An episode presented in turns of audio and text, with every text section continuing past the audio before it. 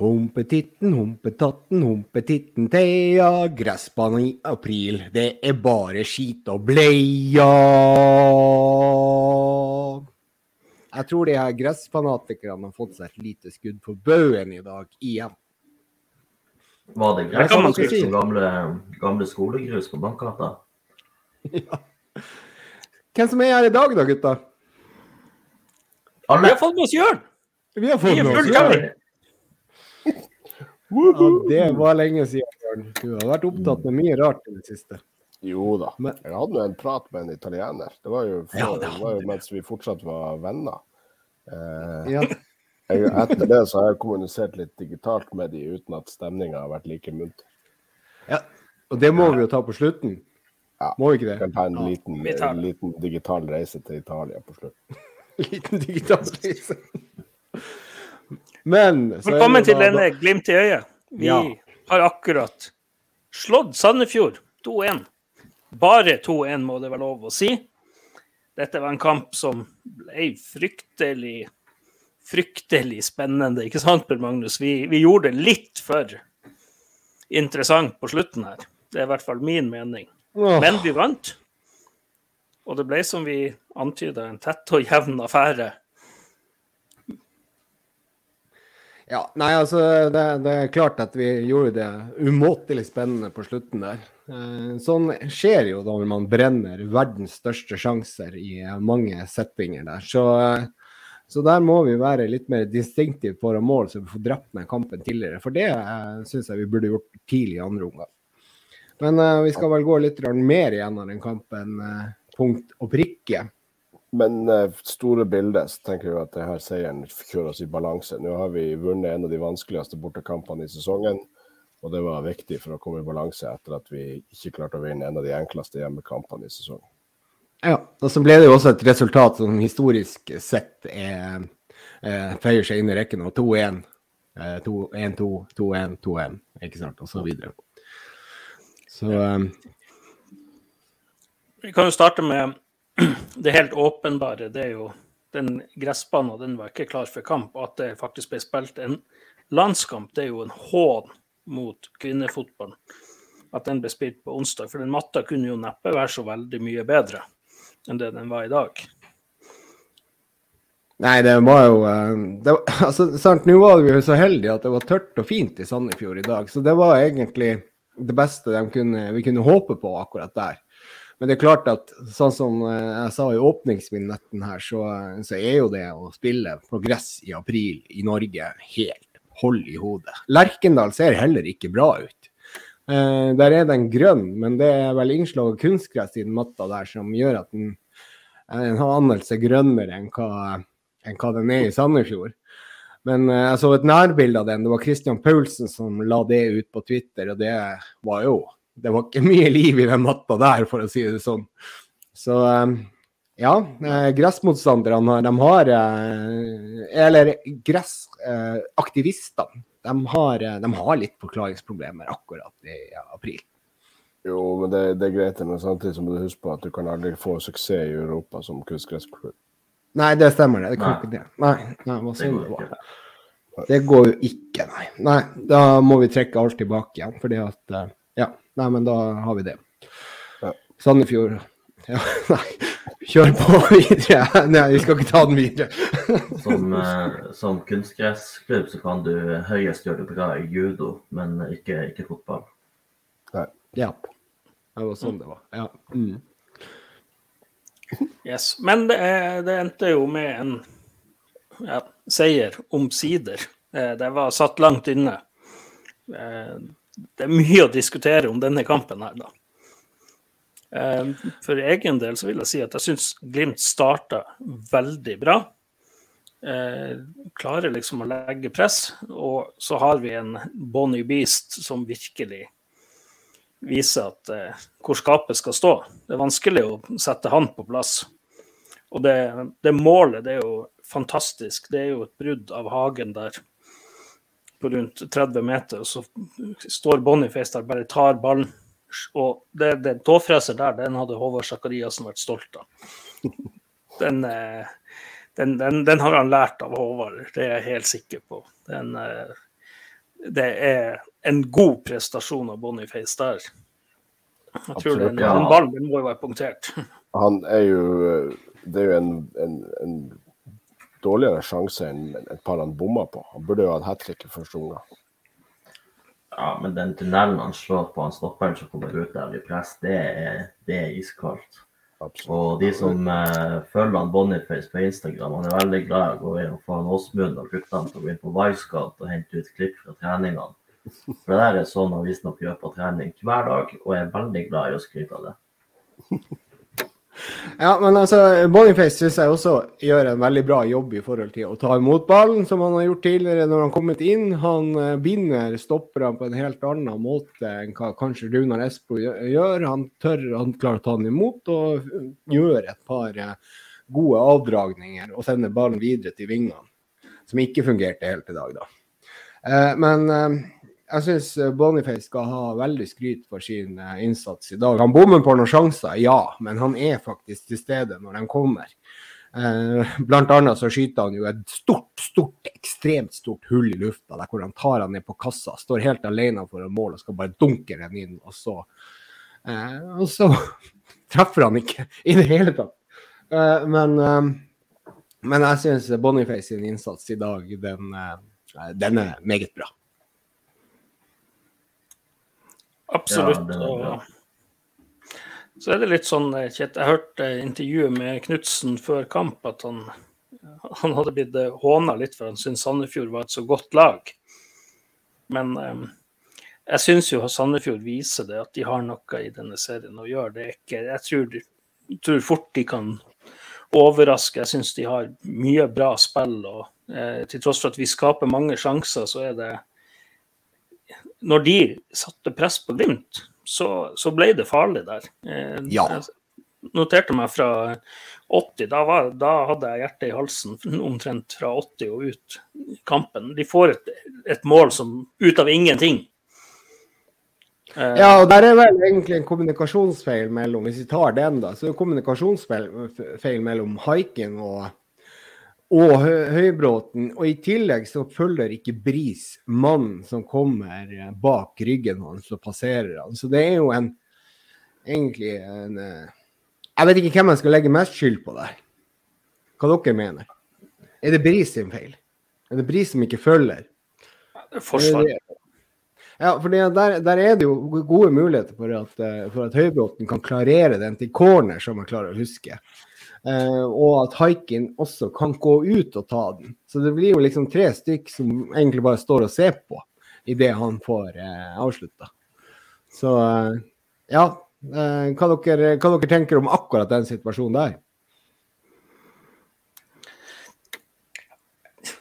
hva jeg si, Det er et mål som ikke skal skje. Det skal ikke skje mot altså Glimt skal ikke slippe inn sånne mål. Altså Nå er det jo fotballen av sånn natur at baklengs stort sett er en konsekvens av feil. Ja. Dette er en sånn unødvendig feil. Her er det sånn at man gode stoppere skal lese hva som skjer her. Og den kommer i pasning eh, ja, omtrent fra midtbanen der han får løpe inn, og det er kommunikasjonsfeil. Og det er en litt sånn Det må vi få bort, eh, for det er litt ja, Det er litt skummelt i hjemlig serie. Vi, vi, vi er såpass konsa ute i Europa og mot gode motstandere at vi ikke får sånne baklengs. Så syns jeg nå mot litt mindre gode motstandere som Rosenborg og Sandefjord, så klarer vi å kuke det litt til, for å si det godt, på godt nordnorsk. Ja. ja men altså er det liksom Ikke sant. Vi uh, går ut uh, på, uh, på Twitter med at det blir rulleringer i laget. Det blir veldig mye rulleringer. Eh, Glimt eh, begynte ikke med rulleringene før det var spilt eh, 26-27 minutter. Eh, og da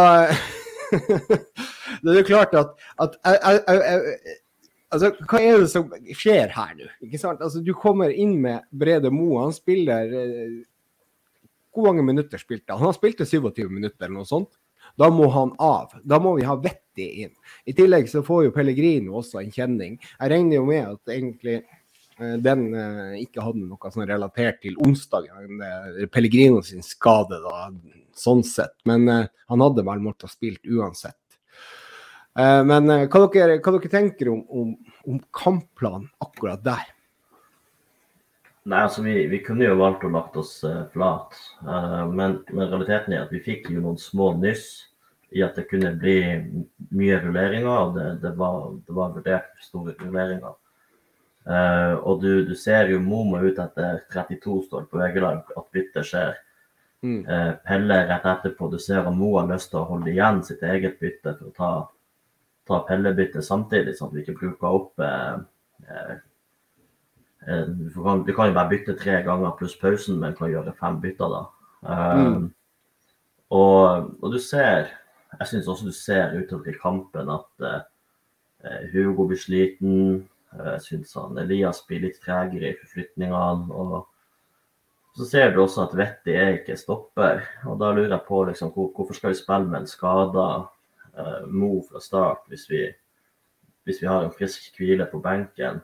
Eh, kunne det vært lurt å starte med en Anders Konradsen på midtbane. Jeg syns han var god når han kom inn. Eh, så i stedet for å høre på ryktene våre, så kan Glimt begynne å høre på rådene våre. fordi de er ikke så dumme alltid. Ja, det er nok helt riktig det der. Og det er klart at, at midtbanen vår er jo også særdeles skjør. Eh, I hvert fall for Europa. Og eh, når vi bare har tre mann vi kan bruke på midten, og de skal spille, så eh, er det litt det, det, er litt merkelig at faktisk ikke vi, vi bytter før, eh, på midtbanen da, før, eh, før, det har gått eh, ja, 70 minutter. 74. Er det ikke da eh, vi får en Anders Konradsen inn der? Jo, det er vel rundt da. Men, men ikke sant, det er liksom i, i, Europa så er det de tre som starter i dag, og Morten Konradsen som kan spille. Og Konradsen har vært ute med skade etter en operasjon. Vi vet han er i gang på trening, men ikke på benken i dag, f.eks. Um, så, så det, er liksom, det er litt risikabelt også når du har en Gaute Vetti, du har en Anders Konradsen som kan gå inn og levere på, på høyt nivå, og risikere skade på Ulrik, Elias eller, eller Hugo når vi skal spille den kampen eh, mot Roma på torsdagen. Ja, på et elendig underlag i Sandefjord. Så, så det er klart at Men altså, vi sitter igjen med vi får håpe at det Nå sa vel Kjetil Knutsen i pausen at det var bare smårusk på guttene, eh, både Pellegrino og, eh, og Mo. Men jeg er ikke helt sikker på at det var smårusk på Pellegrino. For det så ut som en strekk. I hvert fall fra ja, mitt ståsted. Ja, men du ser på reaksjonen til han Pelle, hvordan han går av banen med, ja. med, hodet i hendene. Det, det, er ofte en god indikasjon på at uh, han sjøl merker at det er noe mer enn en bare en kjenning. da. For han har ikke blitt så Han har ikke hatt den reaksjonen hvis han var 100 sikker på at okay, jeg går av nå, så kan jeg spille på torsdag. Han så ut som han tenkte fuck, jeg mista mitt livskamp på et fullsatt ryker den, ja. Ja. ja. Og da er det jo liksom spørsmålet hvordan laget blir på torsdag. Men eh, ikke sant. Og da må jo kanskje Muka spille. Eller hva, hva man egentlig gjør da. Det var jo Solbakken. Det, Pelle, der har vi jo dekning med tanke på Solbakken var jo tilbake, og så har vi jo Komson. Så, ja. Og så Jeg må jo få skryte av Komson, vi kommer sikkert tilbake til det, men jeg syns han, eh, han viser, viser, seg verdig en startplass. Eh, du ser han er sliten, og det er klart han har en tøff kamp fra Roma i beina, og så får han ei tung gressmatte, det, men eh, han gjør seg ikke bort. Absolutt ikke. Han er mot etablert, så syns jeg han er, han er god. Ja, han starta vel kampen med litt, litt, uh, litt, rusk i maskineriet, som han gjorde mot uh, Roma. Uh, men det var nå en som hadde veldig mye mer rusk i maskineriet i starten av kampen. Ja. Vi kommer, til kommer du... bare inn på spillerne der etter hvert. Men det er sånn, ja, men kan vi, ikke bare, vi kan jo like å bare begynne med det, kan ikke det? Jo, vi kan jo starte med det, og det er vel det, det er bris du skal, skal Ja, det er vel det, da. Spiller en kanonkamp mot Roma. Eh, men så kommer vi til Sandefjord, hans gamle hjemmebane. Hva du har der på Bjørn Einar? Du har notert litt? Ja, altså, det starter allerede etter 45 sekunder der han starta med ei stygg feilpasning. Ja, den var rett. Ja. Det, det, det var en gjennombruddspasning, det.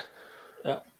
Så er det sånn at eh, så blir han noen sekunder senere finta på ræv som gjør det at det, det blir en farlig sjanse for Sandefjord, som kulminerer med at uh, Høybråten klarerer.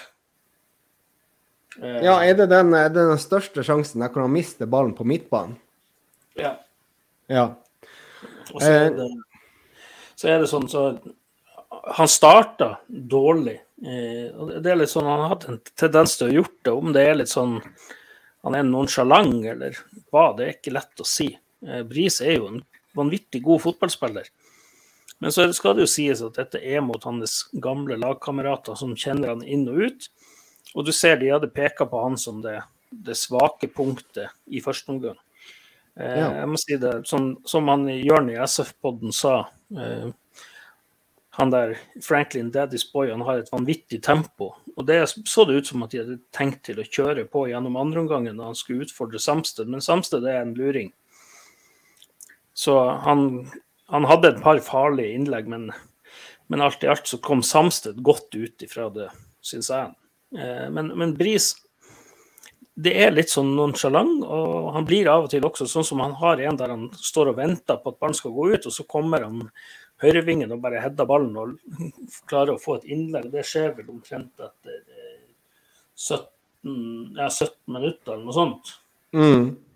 Ja, men så, jeg, jeg, jeg, føler jo, jeg føler jo det at jeg, egentlig grunnen til altså, Første omgang, som du sier, var jo ikke så ille, men allikevel så klarer vi liksom ikke å, å få noe sånn herre eh, altså, gjennombrudd. Og det er så mye rom der i første omgang. Og de rommene roter Bris bort ganske mange ganger.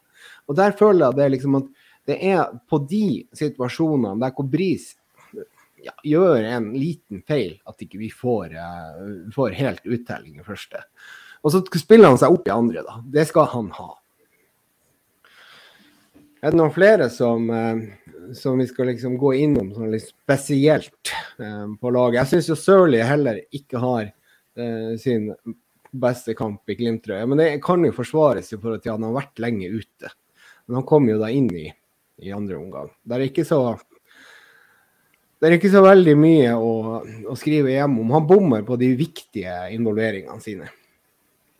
Ja, han, har, har jo, han er jo involvert i, i, målet, det er han jo, riktignok. Ja. Men det er 2-1-målet. Men, men, han bomma litt mye. Og så syns jeg Saltnes han spiller seg opp. Han også starta litt sånn, du merker det at han, han, som vi har sagt tidligere, at han trenger noen minutter for å komme seg godt i gang. Bli matchvinner. Men det er langt fra den beste kampen jeg har sett av Saltnes. Nei, og Der har han jo en gedigen målsjanse, han også, der i, i det andre omgang, da. Uh, ja, han har flere. Han har flere. Han har flere. Men han har bomma en del i det siste, så det var veldig bra at han endelig fikk det målet. Det var veldig bra. Jeg syns ikke det teller at han fikk et sånt ryggmål mot Roma. Nå skårer han et ordentlig mål. Ja, nei, det, men det er litt sånn tilfeldig at, uh, at vi bare vinner 2-1, fordi at uh, vi har flere sjanser i første omgang. Og også i løpet av de de tolv første i omgangen, så har vi Hugo igjennom. Vi har Boniface som får overlegget fra Sondre Sørli, og så skyter han hull i lufta. Vi har eh, Saltnes igjennom også. Så, så på de ti-tolv første minuttene i omgangen kunne vi ha skåra tre mål og punktert kampen, men vi, vi, er, litt, vi, er, ikke, vi er ikke klinisk nok i, i avslutningene. Der ser du Hugo gå for kraft istedenfor å plassere. Uh, og Der er han helt mutters alene, egentlig, og har ganske uh, åpent mål uten keeper. da, og han, uh, Keeperen gjør jo en god redning, da, det gjør han, men Hugo går for full, full kraft. Og akkurat der så hadde ikke Hugo kanskje helt hodet kaldt, og kunne, der kunne han lett satt den i hjørnet med breisida, men han, han avfyrer av. Og så må vi, må vi trene på frispark. Det, vi, har, vi, har, tre frispark som som er, i målfarlig posisjon, og vi får ingen av de egentlig frem til, frem til mål. Det er jo litt sånn Hagen bomma på to. Ja, Hugo skyter rett på keeperen. Det er litt sånn, den er den farligste. Men det er to, to Hagen blåser over, eller blåser i muren. Jeg syns eh, det, dette er farlige, ja, farlige sjanser hvis at de kommer frem. Så det, vi, må, vi, må, terpe litt her på Ja, altså det er nesten sånn at man må vurdere å begynne å slå fri, frispark på 17-18 meter kort. Fordi at uh, det her er ikke mye, det er ikke mye skremmende, det som blir prestert på, direkte på frispark. Nå tar vi mye negativt her, men uh, det kan jo være greit uh, av og til. Eh, så eh, Altså, grunnen til at kanskje de ikke øver, trener på frispark, det er vel eh, også det at du får fort strekk av det. Så eh, Men hva synes synes om den situasjonen der eh, spillerne ble frustrert for at de blåste frispark, når de helt klart hadde fordel? Ja, stemmer det. Um, jeg ser ikke helt uh, hvor, hvem som er i boks og hvem konsolen kan, kan slå på. Uh, men jeg, jeg, er veldig fan av at uh, dommere lar spillet gå generelt. og Han står ute på sida der, bare, så det er en fin indeksposisjon til, til, å slå inn. Så tenker jeg hvorfor ikke bare la spillet gå, egentlig. Ja, altså, der, der får jo altså Konsolen får ballen ut, sånn som jeg klarer å huske det her. Ut, og så er han litt i press. Så idet dommeren blåser, så er det jo en Sandefjord-spiller som er helt oppi han. Og det er mulig det at i neste sekund så ville den ballen der vært eh, klarert av Sandefjord. Eh, det får vi jo aldri vite. Men allikevel så er det jo da en åpenbar fordelssituasjon, egentlig. Sånn sett. Eh, spesielt når Glimt er så dårlig på frispark som de er. Så, så, så, eh, så så jeg skjønner jo Hugo at han er forbanna egentlig der. Hugo Vetlesen var jo illsint på dommer for at han ikke blåste for det. Eller at han blåste frispark. Ja, men jeg syns det er deilig. Du ser uh, ikke så lenge etterpå, så får vi frispark på, på hands. Uh, er det Vega som legger seg ned og skal være dommer sjøl og bare tar til seg ballen med ja. hendene? Det, det, er så deilig, for jeg, jeg har alltid sagt det at uh, det skal jo være frispark for hands fordi at ballen er jo i spill. Det er ikke, det er ikke avblåst ennå. Så det hmm. Ja, der er det litt sånn spill til dommeren blåser, og der velger jo han å gjøre tidenes eh, keeperredning. I utgangspunktet så er jo det der sabotasje mot spillet, så kanskje skal vi gå enda lenger og få lange rødt kort. Nei. Men eh, eh, det er jo også da åpenbart, hvis man ser den i reprise, så er det jo en dytt fra Bris. Og hvor, hvor hard den er, det vet jeg ikke. Han hiver seg kanskje litt, men det er en dytt. Du hadde ikke fått straffe på den. Jo, men det er uansett greit å slå ned på det der, ellers så utvikler det seg at du har 22 ekstra dommere ute på banen. Ja, og det, jeg syns det er helt greit at Sing får eh, det gule kortet for de mm, protestene. Ja, igjen, det er litt sånn akkurat eh, Ja, du merka forskjell på dommeren fra torsdag og til dommeren i dag. Men dette er langt fra den verste dommeren jeg har sett i, i Norge. Eh, det er ingen klare situasjoner som er matchavgjørende verken ene eller andre vei.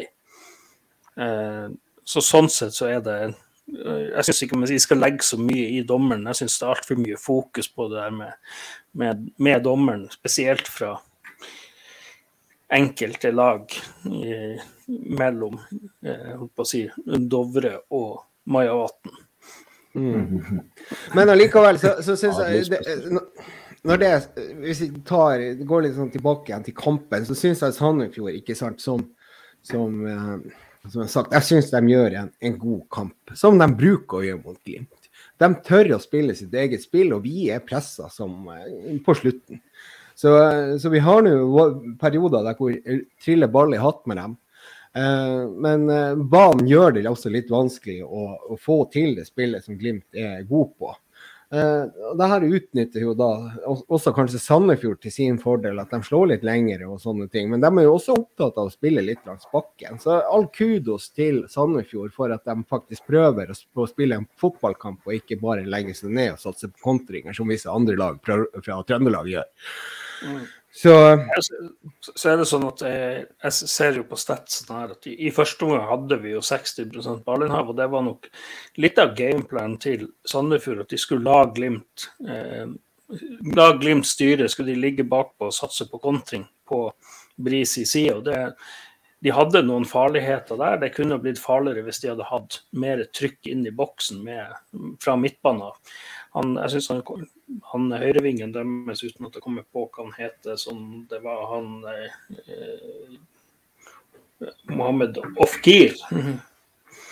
Syns han gjør en god kamp. Han, han, han, eh, ja, han presser Bris og har egentlig jeg vil si han kommer godt ut av den første omgangen. Eh, så ser du de ligger i blokka, de ligger 4-4-1-1 og presser. Eh, de klarer jo ikke å ta ut Hagen Så Hagen Nei. får mye rom i første omgang. Eh, det er litt sånn eh, Hagen vokser, syns jeg, inn i den rollen. Han syns han, han gjør mye bra, han har et overblikk. Og, og det, det er som du ser det, Sandefjord, de, om det er bevisst eller ikke at de ikke klarer å ta han ut, eller ikke tar han ut, det skal ikke jeg si for sikkert. Men, men de lar stopperne til Glimt og Hagen få lov til å ha mye ball og kjæle mye med ball. Og det oppstår en del farligheter. Især når det varierer. Ja, og Hagen var jo også flink å komme seg i posisjon foran, altså hvis du ser utspill 16-meter for skudd. Men så treffer han ikke på dem. Jeg syns han var god, bedre i fjor. Da traff han i hvert fall stolpene. Men uh, nå gikk det jo langt over tribunene når han prøvde seg. Så der er igjen skuddtrening. Ja, men de, Ja, men de er litt sånn eh, de har mye, mye egentrening. ja, men det, det er mye folk mellom han og, øh, mellom han og målet. Ja, ja men altså, det hjelper ikke å legge den over folkene, for da, da går det over mål også, stort sett. Så Nei, det, det er litt sånn det, eh, men, men Hagen han, han er vinner ballen høyt oppe. Ikke sant? Og det er jo sånn, Ja. 1-0-målet kommer jo av at Hagen vinner ballen, og, Ja. og at Boniface overtar den. Eh, Så syns jeg det at vi, vi, I første omgang er vi veldig flinke å variere. Det er sånn sammen når Hugo kommer Jeg skrev det på chatten til her at når Hugo kommer liksom og angriper ballen, og så har han Komson på høyre, så kommer Samsted der i, i korridoren innafor.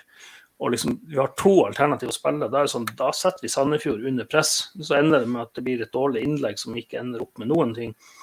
Men vi skaper mye. Det samme, jeg syns Komson av og til når han- kommer seg ned til linja, så er det farlig. Så jeg syns vi gjør en vanvittig god førsteomgang. Da følte jeg vi hadde veldig god kontroll. Og så er det litt sånn etter den, ja, 40, fra andre gang til 60, når vi ikke klarer å punktere kampen der, så kommer Sandefjord litt inn. Så får de et mål som gir dem litt giv. Eh, og så er det jo da en magisk skåring. Vi må jo snakke om den, det målet til Glimt. da. Det er jo en kontring i verdensklasse. Glimt bryter. Espejord blir spilt opp, eh, og han er i duell med eh, en, han stopperen. Han blir skada, dessverre. For han det er jo selvfølgelig trist at man, en motspiller går ut på båre. Vi skal jo synes ikke det er morsomt at folk blir skada.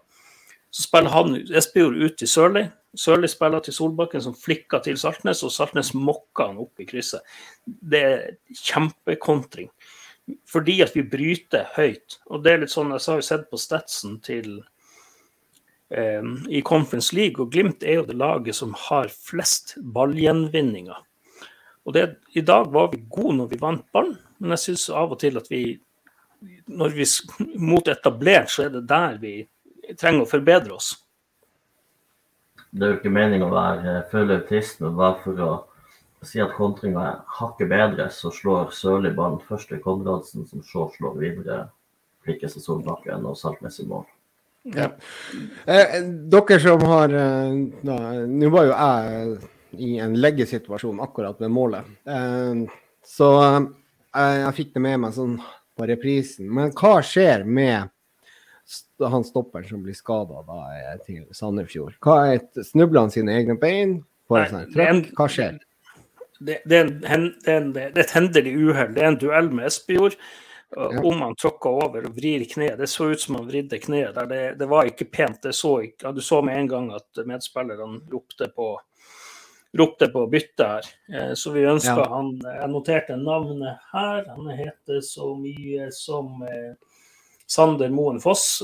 Eh, Vi ønsker han god bedring, for det er, ikke, det er kjipt når motstandere blir skada. Det, det er et hendelig uhell. Det, det er ikke et frispark eller noe der, så Sandefjord det er sånn, Målet er helt greit, og det er helt greit at de spiller videre med tanke på den kontringa. Men det er bare å ønske han god bedring og håpe at det ikke er noe alvorlig, for det, det så ikke bra ut. Og da, da er det heller ikke sånn at uh, det er noen som reagerer på Jeg vet jo at Sandefjord var forbanna. Uh, og om det var pga. den situasjonen eller noe annet uh, Jeg tror det var pga. det målet. At de var fly forbanna etter, etter kampen var over.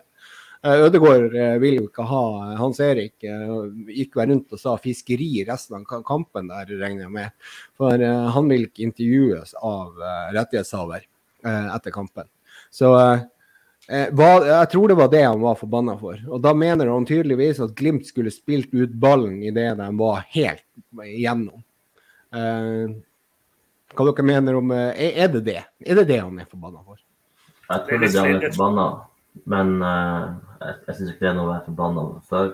Også, det, det er et taktikksforsøk og så er det et heldig uhell. Det, er ikke- det er ikke noen forseelse eller noe, det er ikke noe å, å blåse for.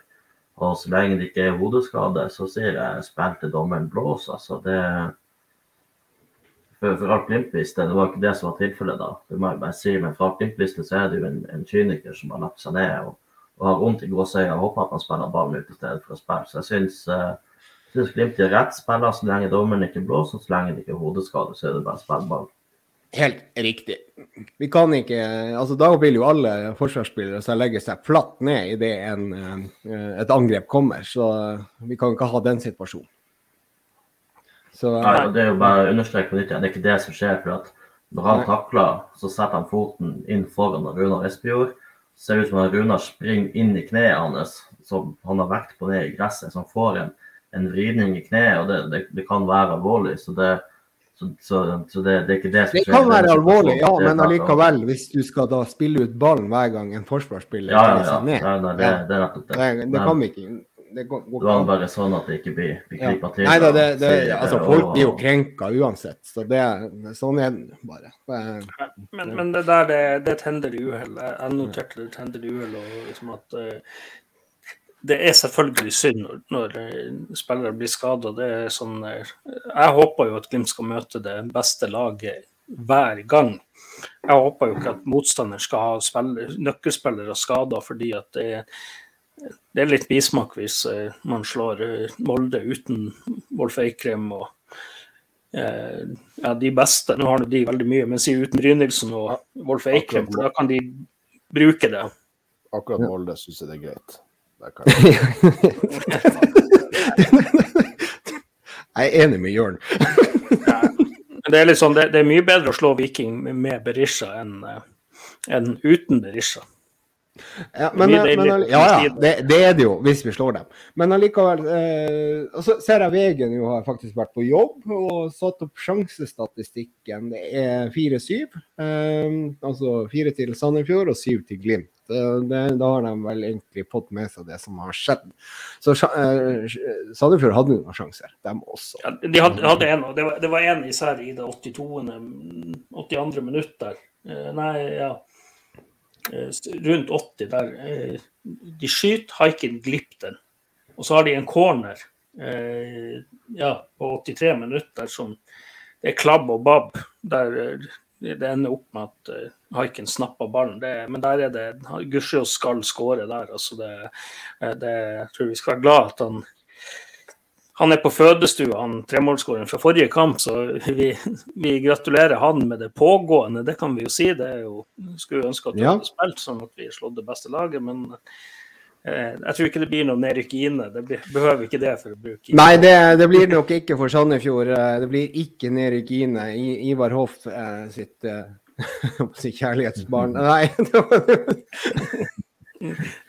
Ole Martin Martin det sies at uh, han, Arne Vidar Moen, ikke det han heter, han som skåra, han spiller jo den kampen mot Rosenborg fordi at Årst var på fødestua. Så hadde ikke han Årst Ja. vært på fødestua, så hadde han aldri skåra det målet. Tror han røkka ned det året. Arne Vidar Moen, var ikke han midtstopper? Nei, det husker jeg ikke. Men, men i hvert fall, han skåret i hvert fall det målet som på den corneren, så Ja.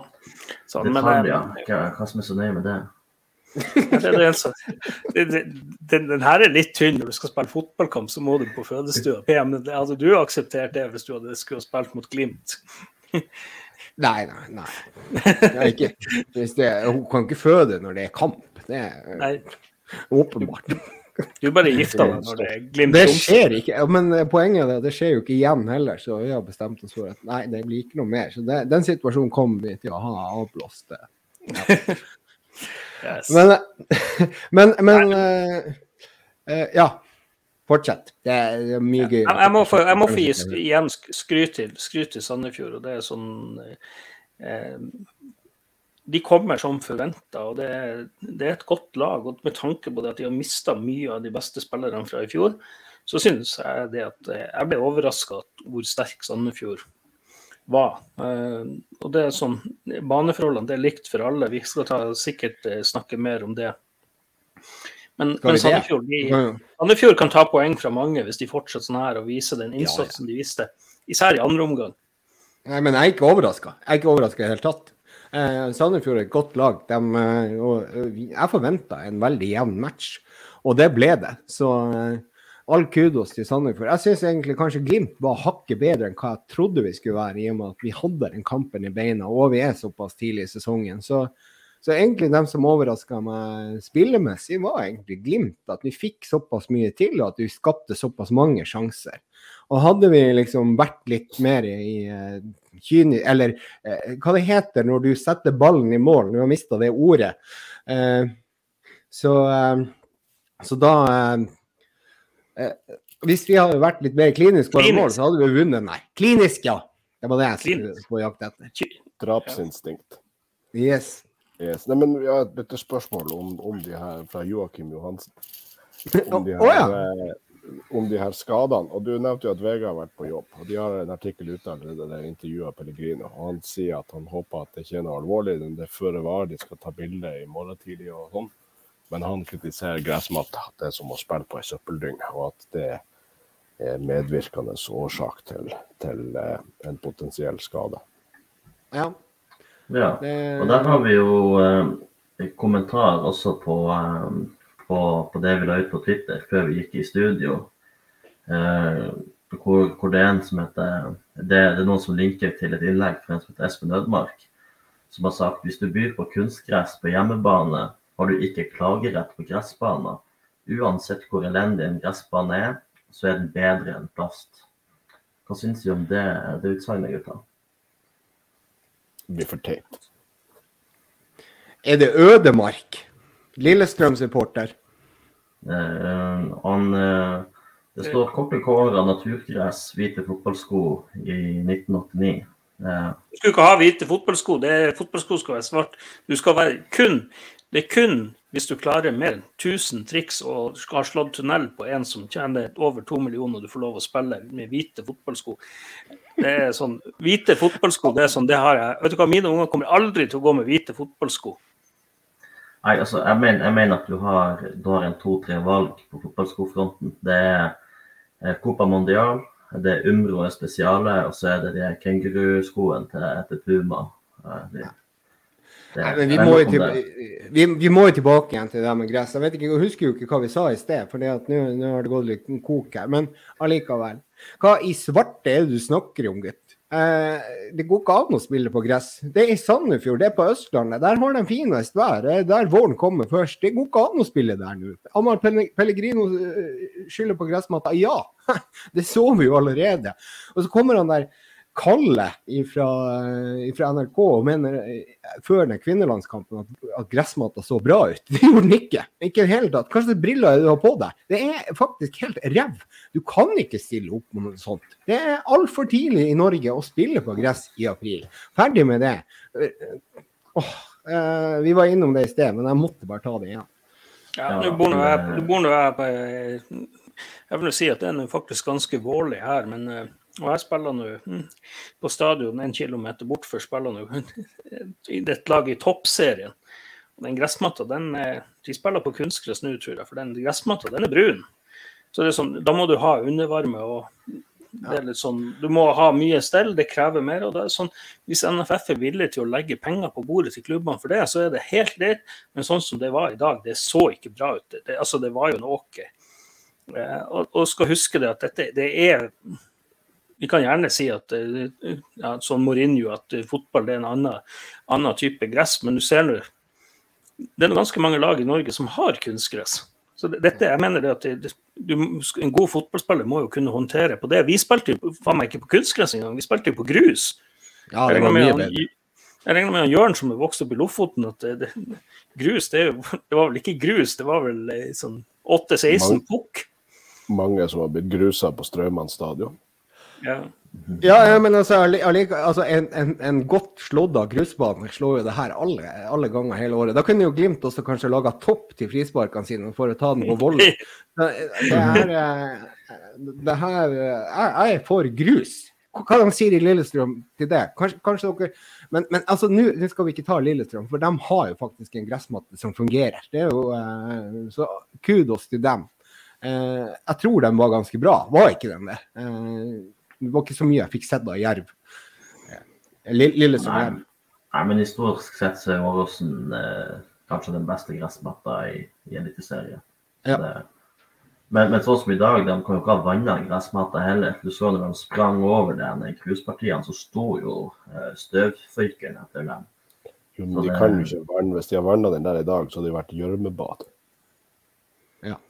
Det er ja, Så er det jo litt sånn, Der betyr det at vi er jo heldige med at det har vært oppholdsvær i tre dager liksom i, på Østlandet. At, eh, så er det sånn at ja, Sandefjord liksom fra, fra midten av mai vil nok sikkert ha en fin bane, men det, det kreves mer innsats eh, for å få den fin. og det, da, da må de få på noe undervarme og begynne tidligere med å eh, få det der til. altså. Det, her snakker vi Sandefjord. Eh, ja, så er det sånn Rosenborg går og skryter liksom at de har en fin gressmatte. Nå har ikke jeg sett høydepunktene, det skal jeg se på etterpå. Etter vi har spilt inn her, men, men eh, jeg blir ikke imponert. den, den, matta, den matta der trenger livredning. Eh, det har jeg sett på nærbildet, så det er ikke noe snakk om i Trøndelag. Den er ferdig. Det er, eller den er sikkert ferdig nå. Så må de sikkert sette inn aktiv dødshjelp på den i løpet av, av den neste uka. Den var ferdig, det som jeg så av den. Eh, men altså, det er jo akkurat det som er at, at, at jeg tror de gressbanene her er jo bra. ikke sant? Det er jo matjord av den biten der, så kanskje du kan plante noe på dem og så få noe ut av det. Eh, det er etter hvert kanskje du eh, kan bruke det som potetåker osv. I, løpet av sommeren. Men det her er jo helt krise. Åh, jeg er så lei. Yes. Så jeg ser vi, Det er mange som har skrevet om det der, men vi, vi må jo også snakke litt om, om Bonnie Beast. Den, den impacten han har. Jeg ser det er flere som har vært og spurt om det. Christian Paulsen blant annet. Eh, Så er det noe om Lloyd Patrick har vært og skrevet snakk om tåfres. Det er altfor lite tåfres i Eliteserien. Ja, men nå har vi hatt to tåfresere på to serierunder. Han, Christian, eh, han Eriksen er det Christian, Var det Christian han heter? Ja, Ja. på HamKam. Han tåa den inn mot, eh, mot Lillestrøm, og i tillegg nå Boniface. Vi vil Ja, Boniface er jo, en, den er jo enorm. Det er jo sånn, hvis, hvis vi gjorde det der da vi var barn, så fikk vi jo kjeft. Da ble ballen Ja. skeiv. det sånn, Ja, det, var, det var de to tingene. Det var å sitte på ballen og skyte med tåa som ødela ballen. Men uh, jeg syns vi skal ødelegge flere baller hvis vi får det her, her i hver serie. Det her er nydelig. Jeg elsker tåa. Altså. Det, det- går fortsatt fart i dem! Ja, men, men Boniface også er jo på 0-0. Han, han får ballen vende opp, og så ser han bare lader kanonen en 20-23 meter. Det meg, det det er krutt i den slegga. Altså. Det, det det var faktisk det var 30 meter. Det var 30 meter han skøyt fra der. Det var, jeg, jeg måtte se, liksom, jeg, jeg noterte liksom 20 meter. Så bare sånn så reprisen bare Nei, faen, det er jo 30 meter, det er jo midt på banen. Står han der, liksom. og det, det er sånn, Han kommer til å skåre mye mål utenfor 16, og det gjorde vi ikke så mye i fjor. Det var vel bare Vetlesen som skåra sånn, mot Haugesund, omtrent utenfor 16. Det, vi skulle liksom inn der, så det, det bringer jo en ny dimensjon inn. Så, så er det sånn ja, Espe gjorde så tung ut i dag. Du ser det at den Roma-kampen satt i. Han eh, har ikke Massøren har ikke vært på jobb. Han var steingod mot Roma også. Det, det er virkelig en av de tingene vi har styrka oss på fra i fjor, at vi har to så gode spisser, og så er de litt forskjellige også. Ja, Eh, de- er veldig forskjellige. endimensjonelt i fjor. Men det ser du at eh, Espejord er ikke noen gresspiller, i hvert fall ikke sånn åkerspiller. Han må ha kunstgress under beina for å fungere. Ja, eh, men jeg skal bare spørre dere, hva dere synes om presspillet til Boniface? Er det bedre enn hva det har vært tidligere? Er han langt unna Runar Espejord? Hva dere mener der, dere som eh, er de eneste fotballekspertene i studio? For å ta en gammel Studio Glimt-referanse. Nei, altså jeg syns jo Boniface eh, ikke er like tydelig som Espejord som signalspiller. Altså det, Glimt bruker ofte spissen eh, som signalspiller, som, som viser resten av Ja. når er det vi når er det vi skal sette presset. Uh, og det syns jeg blir litt sånn eh, vilkårlig, kanskje. fra- Hvordan var det i dag?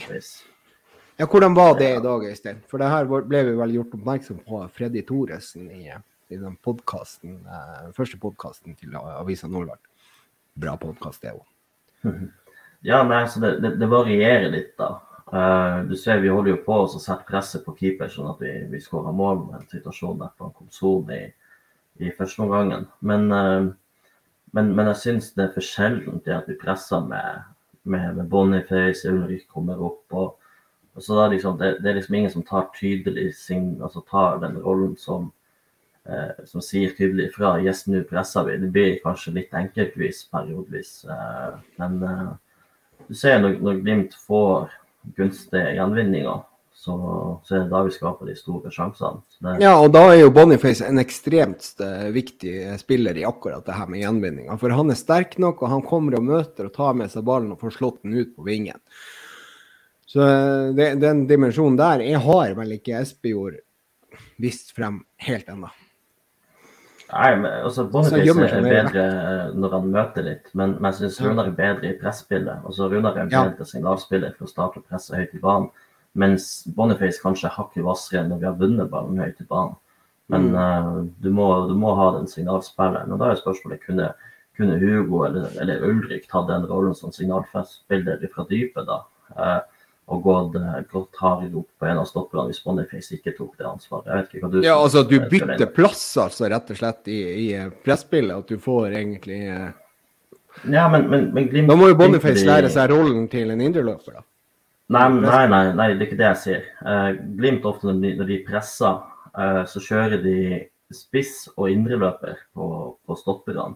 Mm. Så det, det, det er ofte enten Ulrik eller Hugo som skal gå opp på, på motsatt stopper av den stopperen som Boniface eh, setter presset på. Mens, mens vingene eh, ligger, ligger, litt smalere der og eventuelt går ut på, på sidebacken hvis de prøver å, å, slå over. Men så er det indreløper som går på, går på stopperen. Og, ja, um, og, og, da er det sånn at Boniface ikke er tydelig å sette det presset, så, så blir det litt sånn avventende fra indreløperne også på, på å sette presset. Så det, Mm. Ja. Nei, men hva Er det noen andre reaksjoner på, på sosiale medier? Har dere, har dere sett noe no... Vi, vi, må jo snakke litt om det. Jeg kan ta det enda. Det, det, først og fremst, den gule veggen var jo flytta fra, si, fra Aspmyra til borteseksjonen der. Ja. Eh, vi må snakke om tilskuertallet. Det er sånn, jeg tror Sandefjord hadde vel ny rekord. De hadde vel ikke så mye som 4003 i fjor, i hvert fall. Det kan hende de hadde det. Eh, de hadde me, det var mer folk i Sandefjord enn det det var også godset i Molde. Da de godsesupporterne, ekte supporterne, de, de, møter ikke opp på kamp, i hvert fall. Jeg tror det var sikkert 600 gule der. En fantastisk ja, Den fylte jo hele bortetribunen. Det var jo ikke plass til noen flere folk. Ja. Og, og, vi hørte de hele kampen. Ja, Nei, og det, det, er ekstremt bra. Eh, ekstremt bra jobba. Så det er kommet litt sånn her, det var jo fra Karina Langås vært der, at en av suksessene til Glis er kanskje det at de synger de kjente og kjære gamle sangene som alle sammen kan. Nei, så litt sånn Hun utfordra eh, egentlig J-feltet litt til å dra i gang de, de, gamle kjente, sånn at hele stadion synger, da, uten at det skal være sånn Hun skriver at du skal, vil ikke være en sytkuk. Eh, J-feltet gjør en kjempejobb, men hun vil så gjerne at hele stadion skal synge. Så det er sånn, De kan i hvert fall dele teksten, det er ikke så vanskelig det. Eh, så oppfordring til J-feltet der til å dele teksten før neste hjemmekamp, som er mot Vålerenga. Eh, dele tekstene alt sammen, sånn at alle sammen kan synge.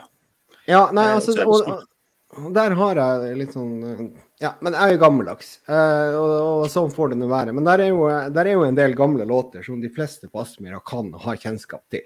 F.eks. 'Vi skal faen meg klare det'. F.eks. 'Venner for livet', som blir brukt en del.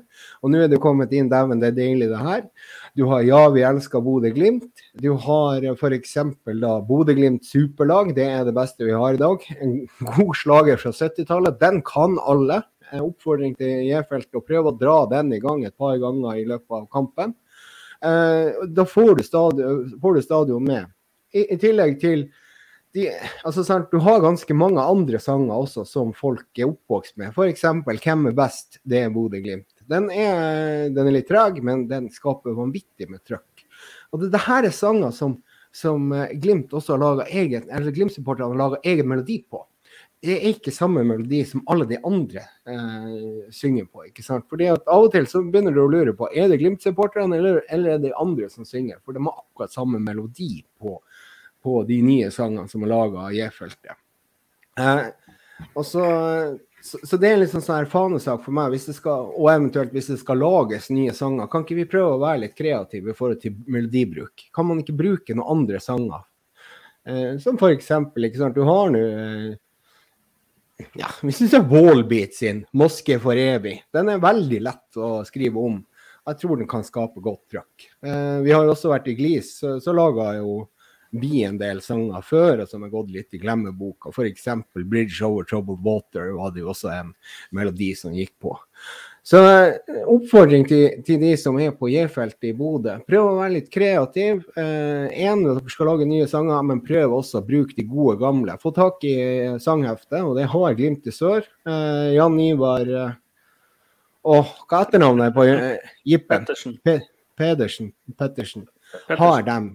Pettersen. Ligger inne eh, på harddisken hans. Og hvis dere kan begynne å, å synge de, så får dere hele Aspmyra med dere. Ikke bare på 'Dæven, det er deilig, det her', men også de andre sangene. Ja. Dagens, ja, det, det, er litt sånn det, det, det er ikke for å være kritisk, men det er litt sånn uh, Nå begynner vi å bli markant. Da. Det begynner å bli mye folk, og det, det, er jo gledelig å se. Jeg skulle gjerne vært i Sandefjord sjøl, men det er jo fantastisk å se den gule veggen der på bortesupportere. og Vi får jo se hvor mange som, som var der, men det var mange. Um, så Elisabeth lurer på at uh, om det er derfor du ikke svarer på FaceTime PM fra dansegledebussen, det er fordi at du sitter og spiller pod, og det kan vi jo bekrefte. Ja, det er riktig.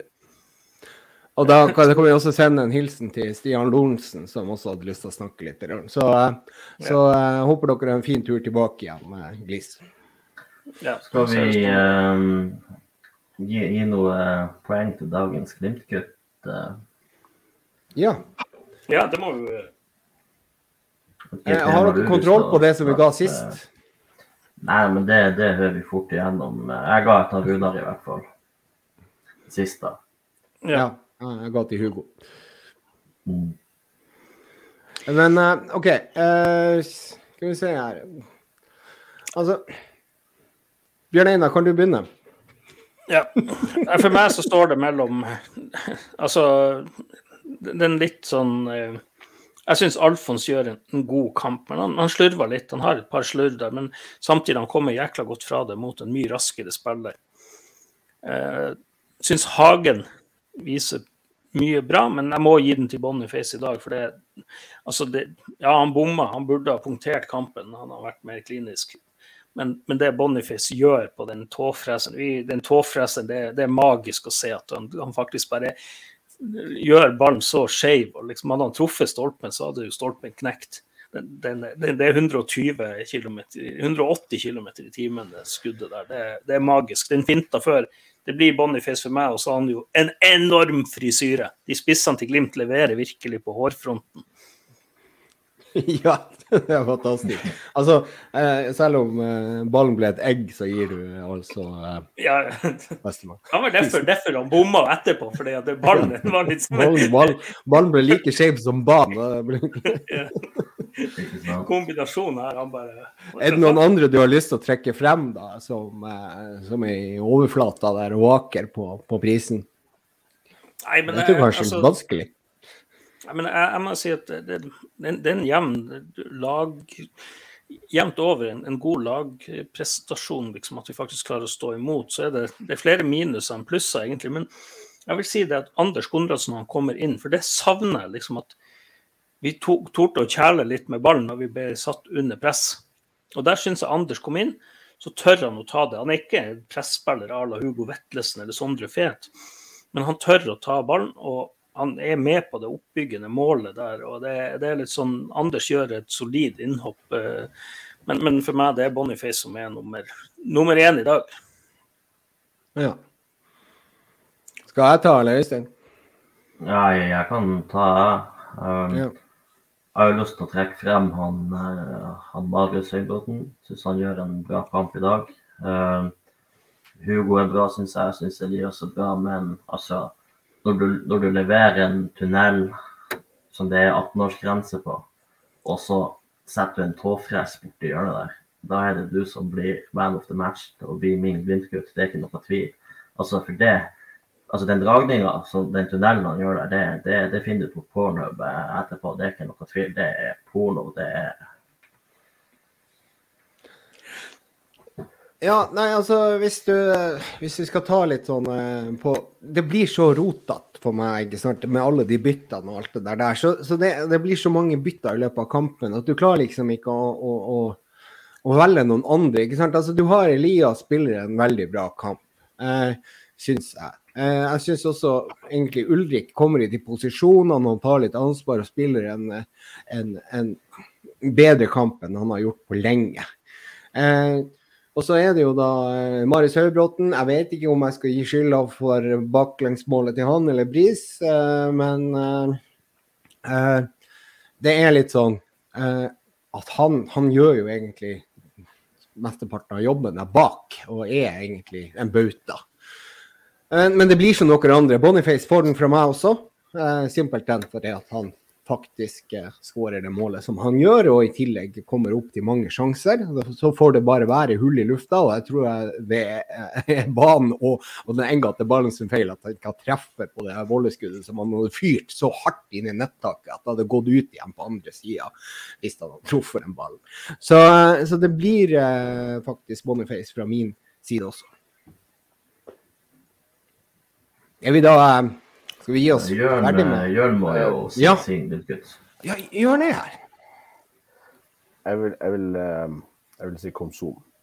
For at eh, jeg er ikke enig med den karakteren han får i Avisa Nordland. Han har en veldig god kamp. Eh, han gjør et bidrag både i dag og mot Roma som viser at vi har bredde i troppen. Han har venta lenge på sjansen. Han har en historie med at han laga mye bråk i Brann for at han ikke fikk spille nok. Han har spilt veldig lite i Glimt. Eh, Nå har han fått sjansen, eh, spiller fra start og gjør det veldig bra. Han herjer på høyresida. Så, eh, så han har, han har venta som gjedda i sivet, og når uh, muligheten har kommet, så har han virkelig grepet det. Og det er det som er viktig for Glimt. Når vi spiller sammen med elver så ofte, så er det viktig å ha spillere som kan komme inn og, og, og levere så raskt som han har gjort. Ja. Så um,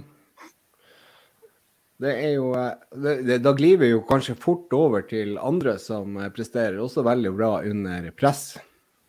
Og, eh, og da er vi ferdig med Sandefjord. Og i og med at Jørn har litt pressa med tid, så tenkte jeg skulle vi skulle snakke litt om det her som skjedde på, ja, på Twitter. Ja, altså, det er jo en litt sånn det har vært litt sånn Twitter-diskurs, men, men, jeg syns det er interessant i forhold til det som skjedde på, på Aspmyra etter kamp. og Det trenger ikke vi å gå så veldig godt inn i, for det vil jeg bare anbefale episode to av eh, Studio Glimt sin podkast, som har en veldig solid gjennomgang av det, og folk som, som var til stede og sånn. så den gir en veldig bra tidslinje og, og sånn, hva som skjedde etter kampen på, på Aspmyr med den håndgemengen. Men det var jo utrolig altså han, Pellegrini var rett ute og ble intervjua etterpå og la, fortalte liksom hvor, hvor, de skulle gruse Glimt for det er forferdelig som han har vært vitne til, voldsepisoden. Og det eksploderte jo i italienske medier.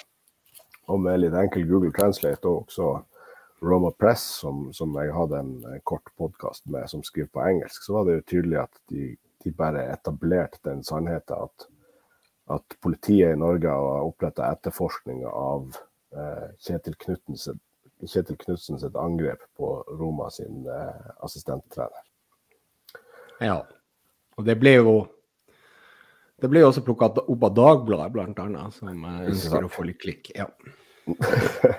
Så, men, men, det kan man jo ikke la stå umotsagt. Så eh, jeg begynte jo å svare på en god del av, av de her trådene på Twitter som haussa opp stemninga og, og, sånn. Og, og, det var jo ingen som, som trodde på at det kunne være en alternativ eh, forklaring. For det som var kommet ut i Norge på det tidspunktet, var jo at det har vært håndgemeng. Ikke noe sånn ikke noe Tildragelse. Ja, tildragelse. Ikke noe blame game i norske medier. Eh, og eh, det var også sitert øyevitner som mente at det var Knutsen som ble angrepet, ikke at han angrep. Så det her eh, formidla jeg jo da til en del Roma-fans og, og, news outlets. Og da ble det jo eh, temperatur etter hvert. Ja, men så fikk du også en kommentar, jeg la merke til det, at det var én manns kommentar tipper hele Romas eh, supportergjeng. Eh, den, den var litt fin. Det kommer jo selvfølgelig en del trusler etter hvert. Og, og, og um, det med trusler må tas alvorlig. Og jeg tenker at uh, de som er i Roma denne gangen, så blir det kanskje litt andre forhold enn forrige gang. Fordi Mm. uh, vi har blitt en helt annen uh, posisjon enn en vi hadde sist vi var der nede. Men de her fotballforholdene som kommer med trusler, det, er ikke noe å, å beskrive sånn sett. Så det kommer litt trusler og sånn, det, det tar jeg med knusende ro. Særlig når det er Ja, men kan ikke ta litt av de truslene, hva det gikk på? Nei, kom til Roma. Vi skal møtes i Roma. Det er viktig at du kommer til Roma. Når kommer du til Roma? Skal vi treffes? Var det noen direkte trusler? Nei, det var jo sånn et lite hint. Hint, Eh, Ja. ja. Og det er det jo mange av. Men altså, det er jo typisk. Vanligvis så svarer jeg sånn med at eh, du blir mer skremmende når du kommer i puberteten. Ja, for jeg, jeg så jo noen direkte trusler. At det, det var liksom eh, bare å komme hit, og da var det, var det ikke noe mer igjen av deg, for å si det sånn. Eh, Nei, ikke sant. så de er jo ganske alvorlige, så, eh, så eh, Hvor alvorlig er de? For at, eh, jeg ga de jo et svar til slutt at kan møtes når som helst og hvor som helst. Men det er jo hyggelig hvis du også kan tvitre med fullt og åpent navn. Og da ble det jo stille. Eh, og det blir det som regel. Så de er jo ikke De er jo litt uh, skyggeredde der. Ja, nei, men, men det skal jo sies. Roma-fansen er jo bare tre år siden fire Sevilla-fans ble, ble knivstukket på kamp. Og er det fire år siden eh, og det er det Sean Coxon heter han, Liverpool-supporteren som havna i koma etter å blitt angrepet med, med hammer utenfor Anfield av Roma-supportere og senere døde av skadene. Så det er ikke noe man skal kødde med. Men jeg tenker han, hvis man ikke går eh, rave dritings alene etter kamp og, og roper Bodø-Glimt, så, så går det bra. Jeg sjøl blir å, å pakke skjerfet, Ja. rulle sammen i ei lomme når jeg går, går etter kamp ned på hotellet. Så det Ja, men, og, og det er jo også litt sånn viktig at, at også Glimt-supporterne eh, samles. Og Der er det jo Shamrock som var sist gang, eh, så der hvor, eh, hvor det vil være sånn trygt å være. At man ikke driver og, og vaser rundt i gatene også før kamp eh, andre steder enn hva der hvor det er mange Glimt-supportere. Så eh, all oppfordring til de, dere som skal til Roma, det begynner å bli ganske mange av dem.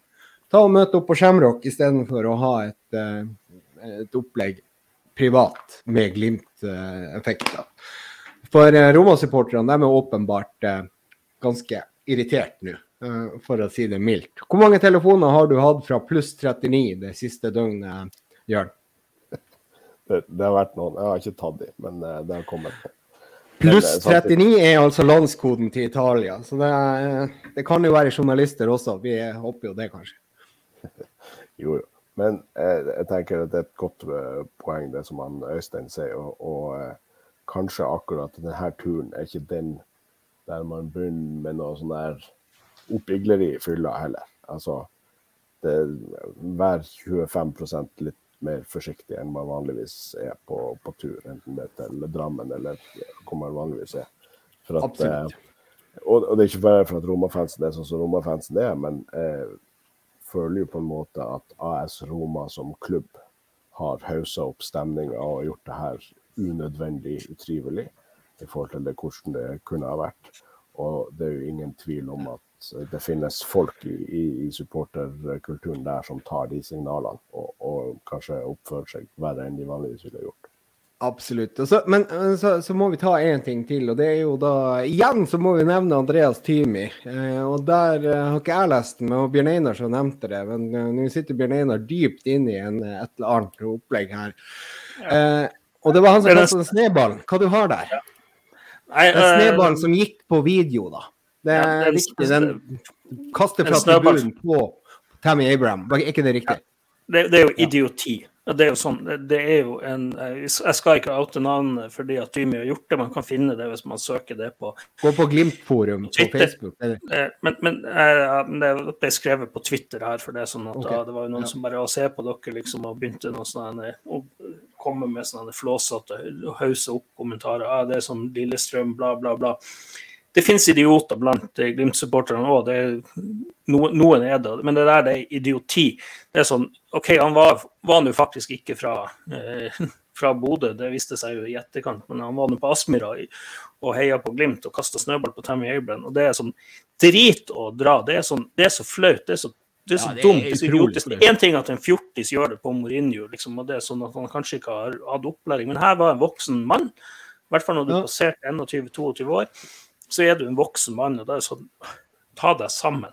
Og han var ikke fra Bodø, og han var hel, mest sannsynlig heller ikke det, det, det, hadde vært rivende likegyldig om han hadde vært Glimt-supporter eller ikke. ja, men allikevel så kommer du til ja, men du kommer til en annen stadion, og så prøver du å sette eh, Glimt-supporterne i et eh, annet lys. ikke sant? Og så legger du faen meg ut på Er det han sjøl som har lagt det ut på, på, på TikTok?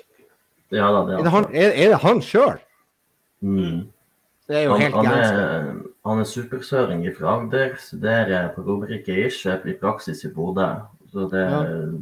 Men eh, så, så hva, hva, han skal egge opp stemninga for mellom Glimt og Roma, det skjønner jeg ikke. Men, ja, men det, det, er åpenbart, det, er som at jeg skal gå, det er som at jeg skal stille meg på Alfheim og fyre av 14 bluss hver kamp de har her i Tromsø, bare fordi jeg hater Tromsø. Det, det holder jo, det er jo faen steike i. Eh, kan jo i grunnen være en god idé. Har du, har du tenkt på det? Kanskje, Kanskje jeg skal kjøpe balaklava og gå inn for å gi bøter til Tromsø? ja, ja, ja. Yes. Og så er det én ting jeg har lyst til å ta. Dette går, det, Nå er det primært media tar, og de norske klubbene. for at, kan dere prøve å få til et samarbeid om å dra flere folk på de her stadionene? Nå har vi hørt hele tida at Rosenborg så skal vi ha full stadion og bla, bla, bla. Dere har 21 000, litt over 21 000 plasser. Dere var 12 000 der i dag. Kom ikke og klag på at Glimt ikke er flink å fylle stadion. Vi, vi har vesentlig høyere andel. Dere spiller deres første hjemmekamp, dere skulle gjøre det. Så er det sånn Ja, dere gjør veldig mye bra i Trondheim, men dette er et generelt problem. Uh, Rotsekk og dere andre, ta og spør Adresseavisa hvorfor de ikke er flinkere å reklamere for hva som faktisk skjer. Og så er det sånn, så må man jo finne ut hvorfor gidder ikke folk å dra på stadion. Eh, i, Sandefjord det var bra, men det er jo tross alt bare halvparten av stadion som er full. Glimt-supporterne sto sikkert for 30% av de som var der, og det er nå ganske godt gjort. Det var over 4300 mennesker der. På Marienlyst var det 3008, sa jeg i stad. Det er flaut. Det er bra oppmøte i Kristiansund. Der er det nesten det er 3006 av 4400. Det er ganske godt. Skjønner det påske og alt det der. I Tromsø var det 2100 solgte billetter på 6006, en by med 70 000 innbyggere. Altså, Hva faen er det som skjer? Jeg, liksom, jeg, jeg syns ikke jeg har sett noe annet om at nå er det veldig mye positivt eh, rundt norsk fotball. og Sitte og ser nå på Viking og FK, og det er sånn at felt null. Det er jo ikke halvfullt engang. Stadion er ikke halvfull. Jeg trodde dere skulle fylle stadion. Det er så flaut nå at vi ikke klarer å fylle stadion. Så alle som hører på dette, har dere muligheten, kom dere på kamp. Så skjønner jeg at engasjement kommer i mange mulige former, men media, klubber, gå sammen. Hvordan skal vi fylle klubbene? Hvordan skal vi gjøre dette? Det kan jo ikke være så vanskelig.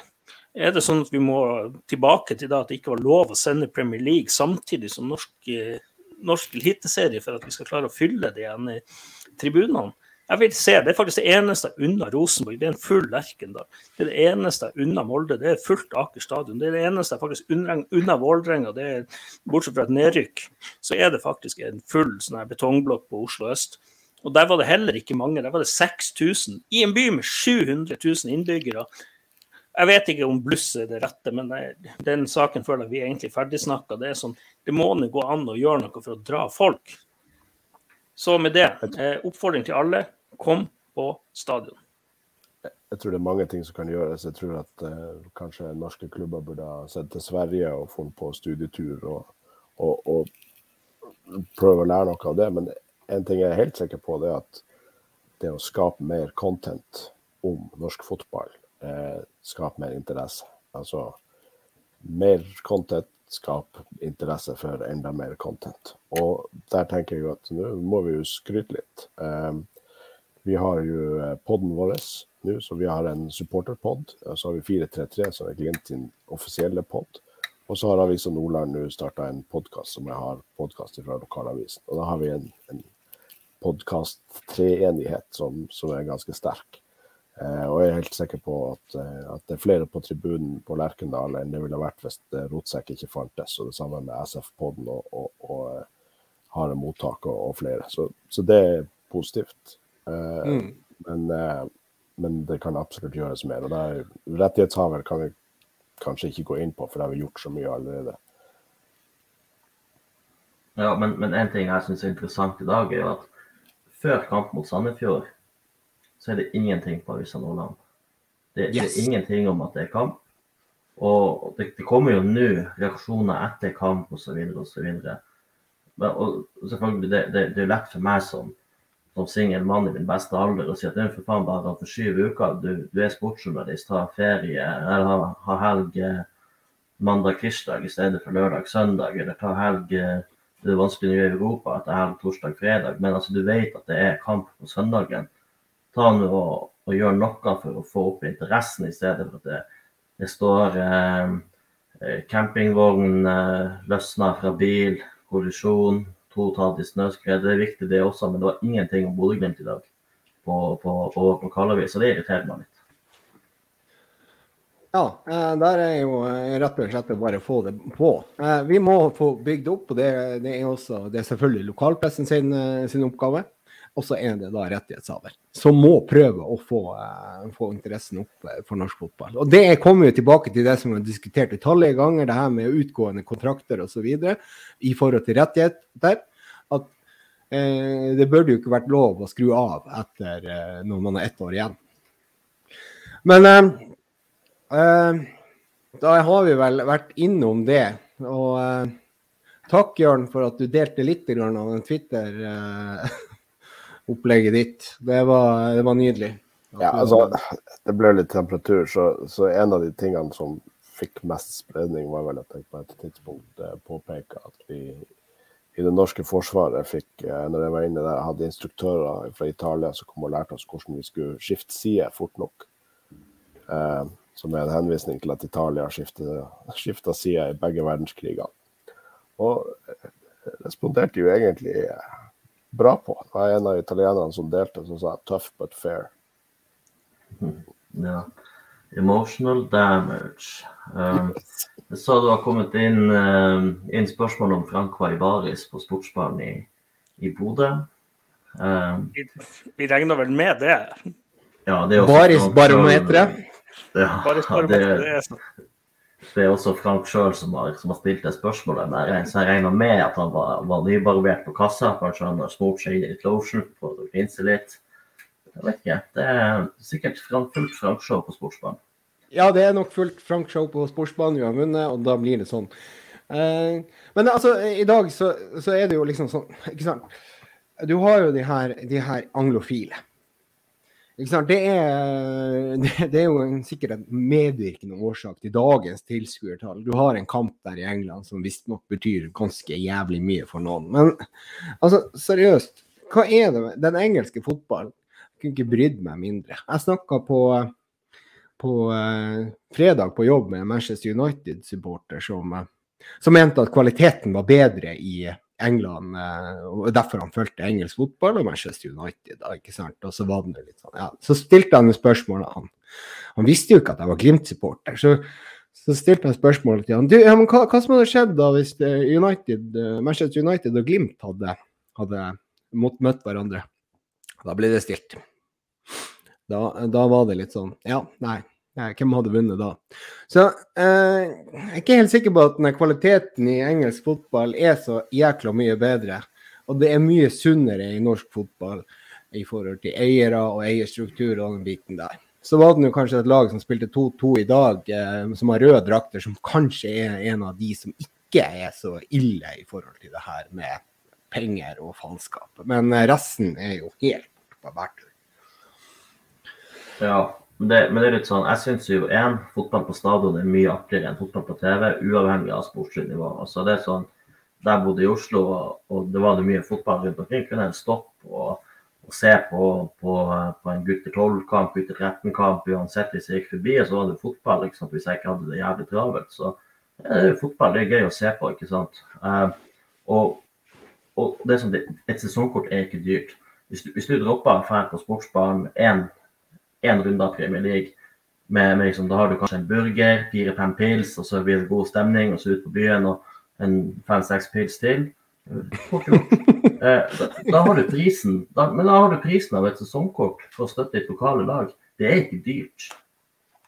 Det er ikke det. Nei, det, og, og, det er det ikke. og, du, du Og kvaliteten på- fotball, Du får oppleve live fotball, du får inntrykkene, og, og, det, og det husker jeg da, da altså i, i 2019 også bodde jeg jo i, i, i Oslo. Uh, og for så vidt også jeg så noen kamper på, på hjemmebane i 2020. Liksom, når, jeg, når jeg da kom på Aspmyra i sommerferiene mine og så kampene live, da er det sånn Fy faen, så jævlig bra det er. Du ser ikke hurtigheten til Ola Solbakken på TV. Du ser ikke detaljene i hvordan, hvordan Hugo Vetlesen flyter opp på, opp på kunstgresset. Det ser du ikke på TV-en. Og det er, sånn, det er noe helt annet å se det live. Hurtigheten, intensiteten, eh, presisjon i det de gjør, det, det, det kan ikke sammenlignes med TV. Og jeg ser heller Tippeligaen, jeg ser heller Obos, jeg ser heller Post Nord live enn å se seg en eh, kamp på, på TV. Det, På TV2 eh, Sumo, der hvor du må betale 800 kroner i måneden for å se VAR sitte og ta avgjørelser i 20, 20 minutter, og klubber som har eh, eiere som bare pumper inn penger i klubbene sine, og markedsavdelinger som bestemmer hvorfor eh, du skal eh, kjøpe en spiller, eh, osv. Den engelske fotballen, der er det Jeg føler at akkurat nå så er det rota til alt ondt som er i fotball. Det som er på- vist i Premier League. Med unntak av par klubber. Så, men eh, ja, jeg blir jo litt Det jo litt, eh, blir jo litt eh, sånn tafatt hvis folk ikke møter opp for de skal sitte og går på stadion og heier på det lokale laget for de skal følge med et oppgjør i England. Det er greit. Det kan være interessant å se fotball fra andre verdensdeler, men publikumstallene jeg blir oppriktig talt skuffa og lei meg. Det er sånn, hvis vi skal få en konkurransedyktig norsk serie, så må vi faktisk ha publikum på stadion. Det er så, Ja. det er så enkelt som det. Eh, kjøp en drakt. Jeg vil, jeg vil gjerne se liksom eh, alle, alle unggutter i Bodø gå med en Glimt-drakt med Espejord og Boniface og Saltnes og Vetlesen og Fet og you name it. Eh, mer av det. Absolutt. Og det er derfor jentene mine her på Sunnmøre, de har begge gule drakter. Eh, og går rundt i det både på eh, De skulle ha det på barnehagen, og nå sover eh, Sonja, som er fire år, i Glimt-drakt i eh, senga si. Så eh, jeg syns vi, har, eh, synes vi har gjort en god jobb her i familien. Mm. Men, og, og, men en ting eh. Ja. det, det er ikke sikkert folk blir så, så motivert for å gå på kamp hvis du tar og kjefter på dem. Vi må heller fortelle dem hvor, hvor gøy det er å gå på kamp. og Det, det er faktisk det, i hvert fall er, det er ingenting som er så gøy som å se Bodø-Glimt på stadion. Stå i lag med supporterne, synge, være en del av den stemninga som er. Det, det er helt fantastisk. Og det, Det er det. så blir du jo kjent med ekstremt mange hyggelige mennesker også. Det, det er bare positive effekter av å gå på kamp. Ja, Og for de som er Bare én ting. det eh, Ta Gå på Twitter til eh, og følge de gjengen som er fra Glimt i sør, som er med bussen der nå. Tror du de har det jævlig på tur hjem? Nei, det, de har Altså, det fantastisk. Det er sånn at eh, oppfordring til dere ta og eh, se på eh, bare se på eh, Glimt i sør sin konto og hashtag Glimt i sør eller ett Glimt i sør på Twitter og se liksom filmer som ligger der. og det, For å si det sånn eh, Ja, det er kanskje ikke for alle, men det det er 90 av det blir å trives og ha det morsomt. Det, det er fantastisk stemning. Eh, vi, Ja. vi kan, vi, hadde vi skulle klart å mikse inn lyden her, så sånne ting, så skulle vi ha ringt dem på FaceTime og eh, ringt dem og fått lyd og stemningsrapport, for det, det ser helt magisk ut.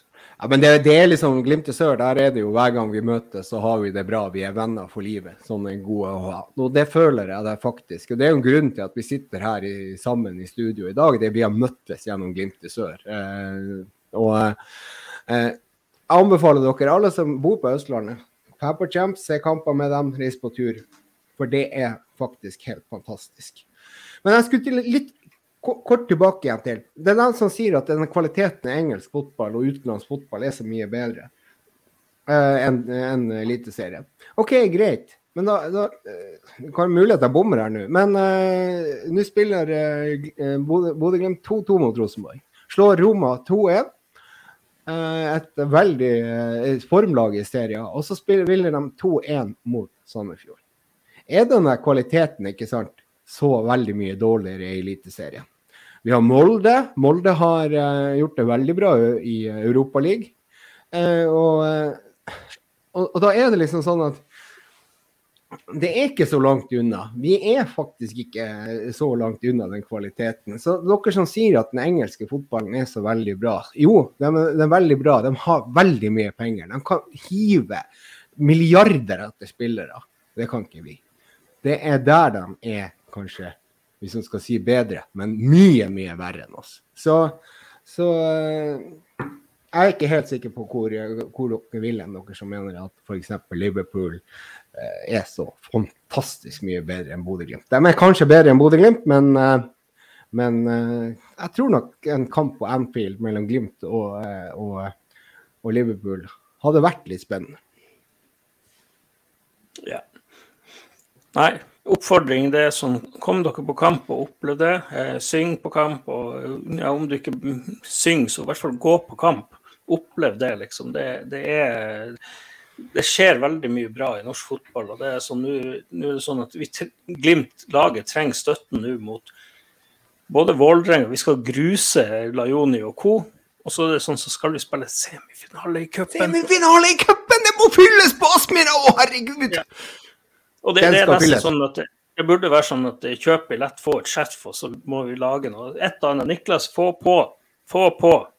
Ja, men det bildet, det, bil, det bildet som vi lånte av, eh, av eh, gamle Nordmeglertribunen, se på det. Se på det en gang til. Kan du dele det en gang til på, eh, på Twitter, Bjørn Einar, når, når sendinga er over? Fytte grisen, det er deilig å se. Det er så deilig. Det er som å se den gule veggen til Dortmund. Bedre. Mye bedre.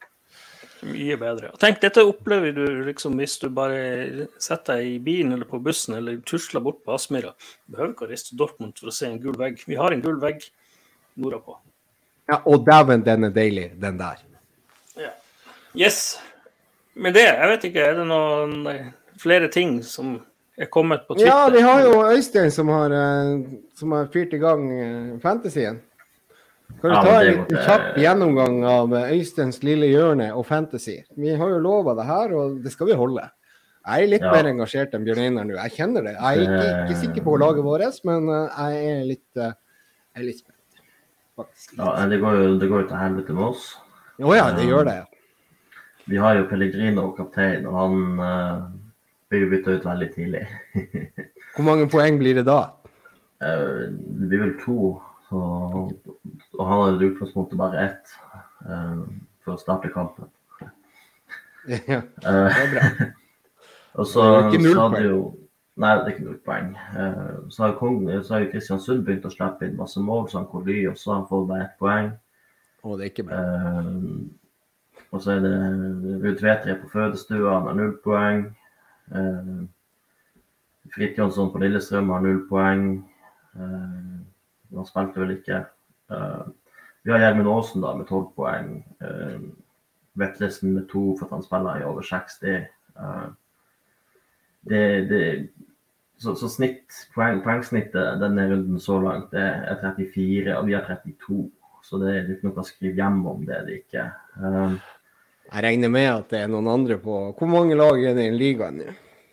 i, I vår liga eh, så er det 23 lag. 23, ja? Uh, ja. Skal vi ta bunnen, da? ja, det er Stula Veding med Trond. Eh, Nå hosta Bjørn Einar.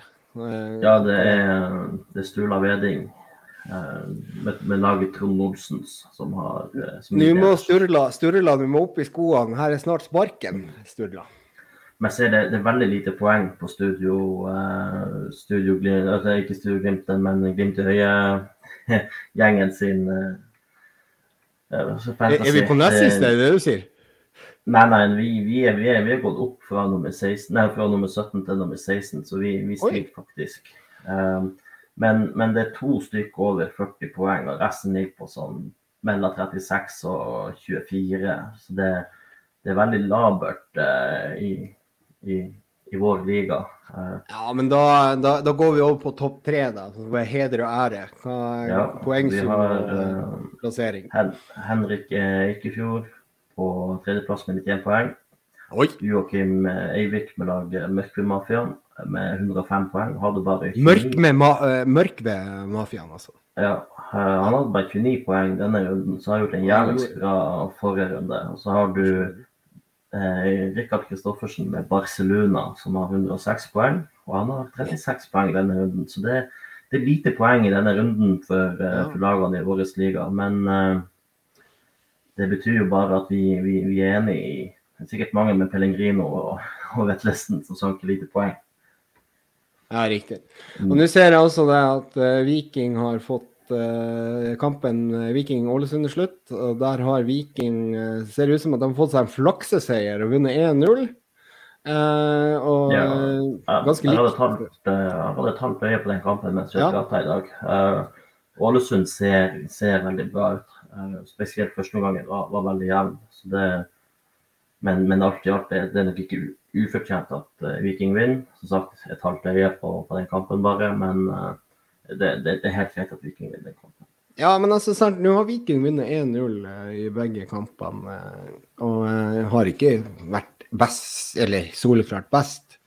Er det et kvalitetstegn at de vinner på dårlige dager, hvis vi skal kalle det sånn, eller er det sånn at ja, tror du vi kommer til å se enda bedre Viking? For Vi må jo følge litt med dem. Vi skal møte dem i cupen. Og i tillegg så, så, er de jo en del av de ekspertene og har tippa opp i toppen, vi også. Uh, og, i, og, så skal vi møte dem i serien også ganske snart. Jeg blir ikke skremt. Blir ikke skremt. Nei, ikke skremt. De, de har noen X-faktor-spillere i, i Berisha, Tripic, en, en Kapran som, som finner på å gjøre noe bra, men det er ikke noe sånn her at jeg er skremt over laget. Nei, nå ser vi at hva, Tripic, Var det han som skåra sist, eller var det Berisha som skåra sist? Mm. Første, første kampen. Ja, det var ikke Berisha, han var målgivende. Ja, da var det bare Tripic, ja. Tripic har to mål og uh, to matchvinnerskåringer. Har han det? Er det riktig, det? Det stemmer, ja. ja. tri Tripic er, er den uh, ja, som leverer på Viking. Eh, ellers vi, skal vi ta noe de andre resultatene før vi, eh, før vi eh, går Vi kan se det, se det har kommet litt mer på Twitter mens vi Ja. ja. Det, det, er jo gøy. Det må bare finne opp her. Jeg ser det har kommet noe varsling her. Skal vi se, skal vi se. Skal vi se. Eh, ja, altså Ravna har vært og kommentert en Frank siden. Han lurte på om når Frank er i baris, så har han vært og sagt at er paven katolsk. Så det var vel egentlig greit.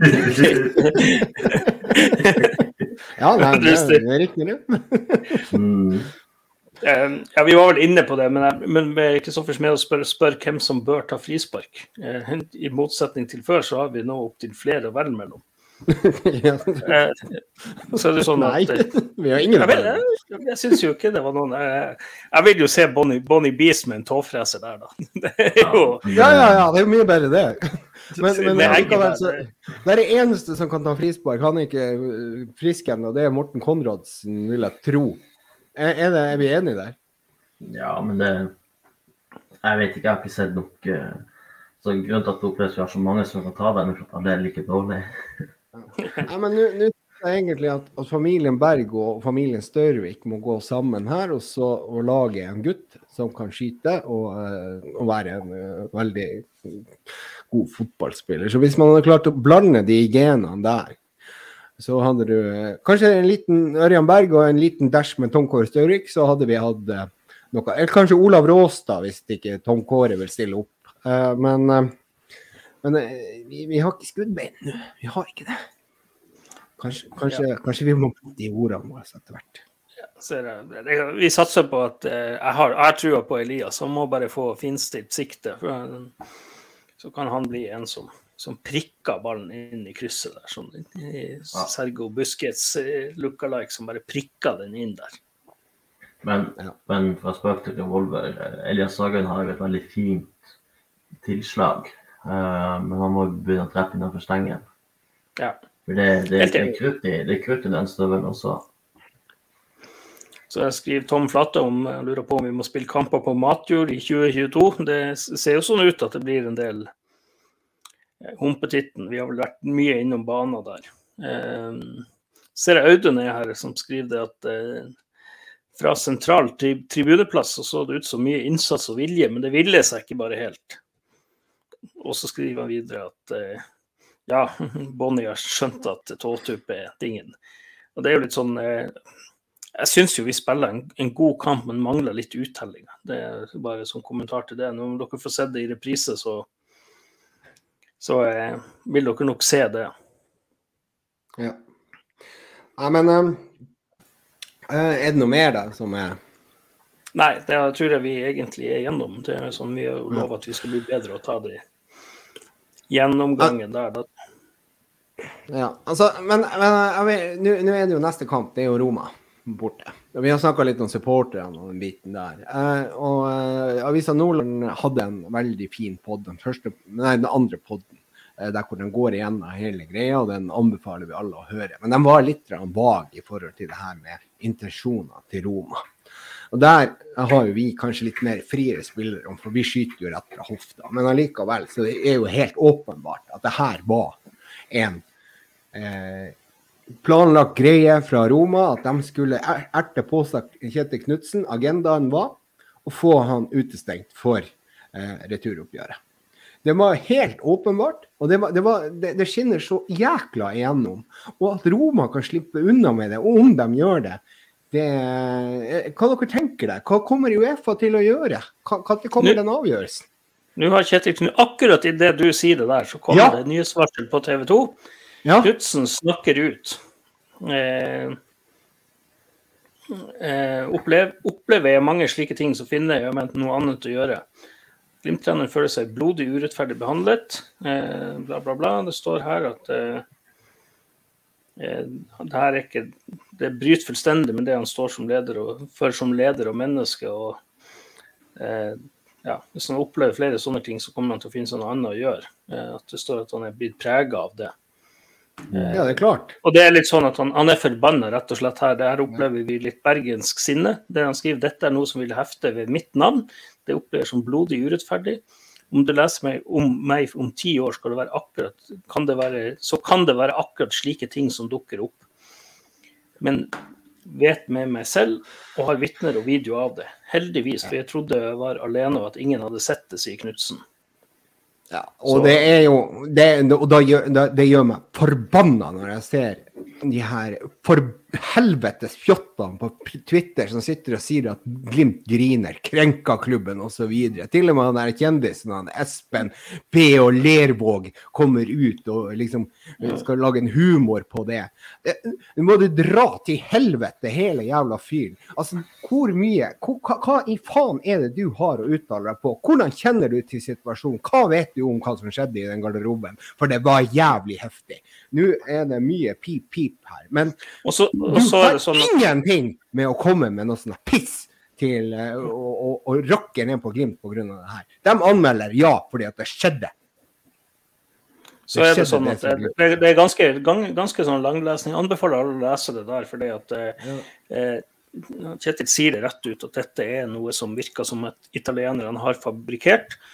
Og samtidig så er det sånn vi skal, vi skal vi, Det er greit vi sier det nå, men samtidig så er det sånn Det gjør litt godt også, fordi at han er treneren til Roma. Han er en kalkulerende prikk, prikk, prikk, prikk, prikk, prikk, uk. Eh, og, ja, og det er sånn at når han er pressa, så er det sånn at det her Hvis han taper mot Glimt, han kommer til å få sparken. Så det er vinn eller forsvinn.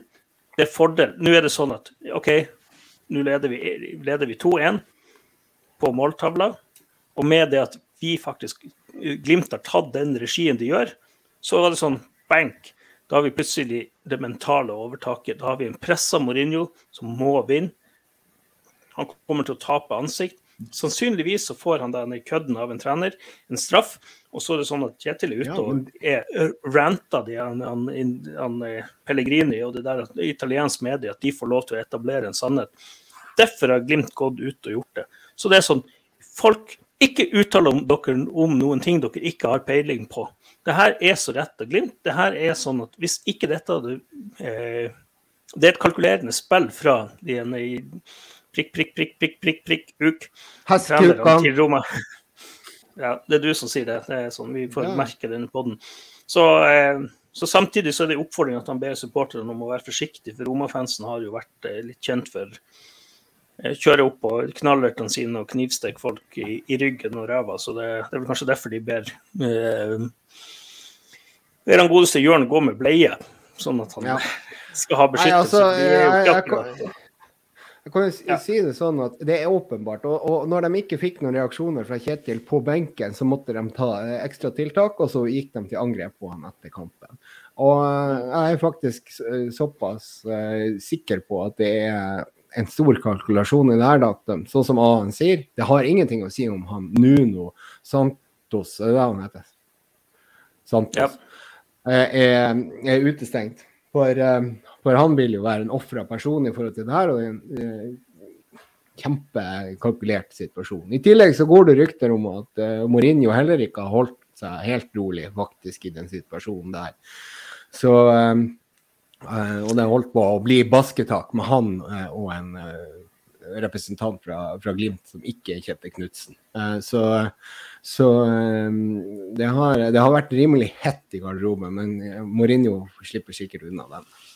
Skal vi, skal vi ringe Molde og låne han der assistenttreneren deres? Han, han eh, Trond Strande, det er det han heter. Han, Ja, ja, ja. Han kan jo være en mann å ta med seg i krigen. Han og Boniface får stille opp. Ja. Nei da, der er, der, er, der, der er jo eh, Men jeg håper jo virkelig det at nå at eh, Uefa tar affære, og at de får unna denne situasjonen før eh, returoppgjøret. At de ikke bruker flere dager på det her og flere uker på å finne ut hva som har skjedd. For det vet de. De har jo sett videoen. Og den videoen eh, den skal visst være ganske klar.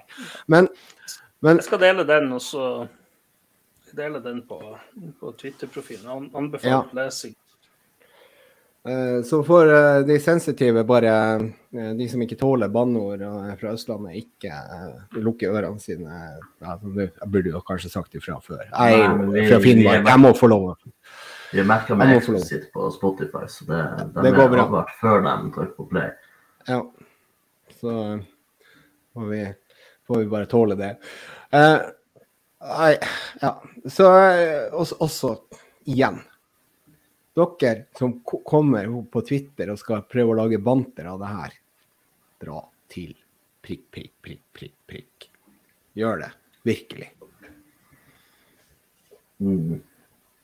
Yes. Nei, men det er vi gjennom, da? Det er vi Da tror jeg vi er gjennom. eh, Så får vi komme tilbake med mer. Eh, Det er jo litt sånn eh, Nå tar vi jo påskeferie, men eh, Glimt har jo ikke påskeferie. Så det, vi kommer vel tilbake med en pod før Roma. Denne gangen skal vi prøve å holde løftet, og så blir det litt sånn kampdagspod. Jeg sitter i dyre, Dyreparken i Kristiansand og Parellus i Roma, så det kan være vi må slippe PM og Øyst, nei, Jørn alene ut. Det kommer ikke gå bra. Neida. Vi kommer tilbake med reaksjoner. og det, altså, Vi skal vel alle sammen se kampen, men det, det, blir, eh, det blir morsomt. Og nå er det klart, nå er det litt hatsk stemning. Det er sånn, Vi har en press som Mourinho der, men det er sånn Tenk at lille Bodø-Glimt som ifølge alle de på Twitter at ja, det her er jo ikke noe stor prestasjon, liksom. bare, nei, Men ingen andre norske lag som har vunnet en kvartfinale i en europeisk cup. By the way, har han sunget eh, kjærlighetsvisa, han Stokstad? Nei, vi skal få Ja, han har gjort det. Jo, Fins gjort videoen. det. finnes fins videoen. Ja, det var på sendinga i går, så det er bare å Ja, okay. Men det må jo, må jo ut. Det må jo ut. Det her må jo deles. Ja, det er jo for lite deling av det. det. Det må jo ut. Det er jo helt fantastisk. Og så er det jo også, da, får vi gratulere da Glimt av verden med sin siste porsjon med sodd i dag. Jeg håper at eh, det går bra med dem. vært Eh, stilt derifra, så kan det være at han, de, de, de, de er dårlige. Vi dårlig. Sitter på ramma Ja. eller innlagt, eller hva det er. kanskje han er innlagt? Ja, det, det kan godt være. Eller hun, Uff. eller dem, eller hva det nå er. Dem, dem, de, dem. Hen. Hen. Det er veldig populært å si hen i disse dager. Ja, det er hen. Eh, ja, ellers så, så er det vel ikke noe veldig mye mer eh, Nei. Da gjenstår å takke Webium for produksjon og Adventure Taylor som sponsor. Og til slutt Vi kan jo ta fikk kritikk for uttalelse på Webium, som i World Wide Web. Webium. Jeg sier. Webium, for det er det han eh, sier, han gjør. Så nå har vi Ja, men hvis du, hvis du ser eh, kvart på ti når han forlot, så skrev han det i chatten Webium. Men så vi takker Webium og Adventure Taylor for at vi får lov til å sitte her og, ja. og hva som Ja, var skitt. Ja, men det er jo veldig hyggelig at vi får lov til det. Og så eh, kan vi også skyve inn eh, Digernes, eh, Elon. Eh, men det er jo siste gang vi skyver det. Ja. og, så, jeg, må, jeg må takke hun oppe for tålmodighet. òg. hun hører ikke på Ja. uansett, men hvis hun skal Ja. gjøre det, så Ja, nei, altså, det, det er jo også sånn at nå er det blitt sånn at, at uh, nå sier jeg ikke at jeg skal podde, nå sier jeg at jeg skal dra på byen i stedet for, og da er det greit. Eh, Så, men eh, jeg holde henne unna Spotify, da. Jeg, bruker, jeg, jeg, jeg har en sånn her eh, en sånn, sånn spritflaske i skapet her, så tar jeg bare en sluk sprit, og så, og så sier jeg at jeg har vært på byen istedenfor å ha vært og podda. Så da er det greit. Da går det bra. Ja. Syns at det er bra at jeg er sosial og sånne ting. Så, ja. Yes. Men eh, takk for i dag, og på gjenhør. Og heia Glimt! Og fred på jord.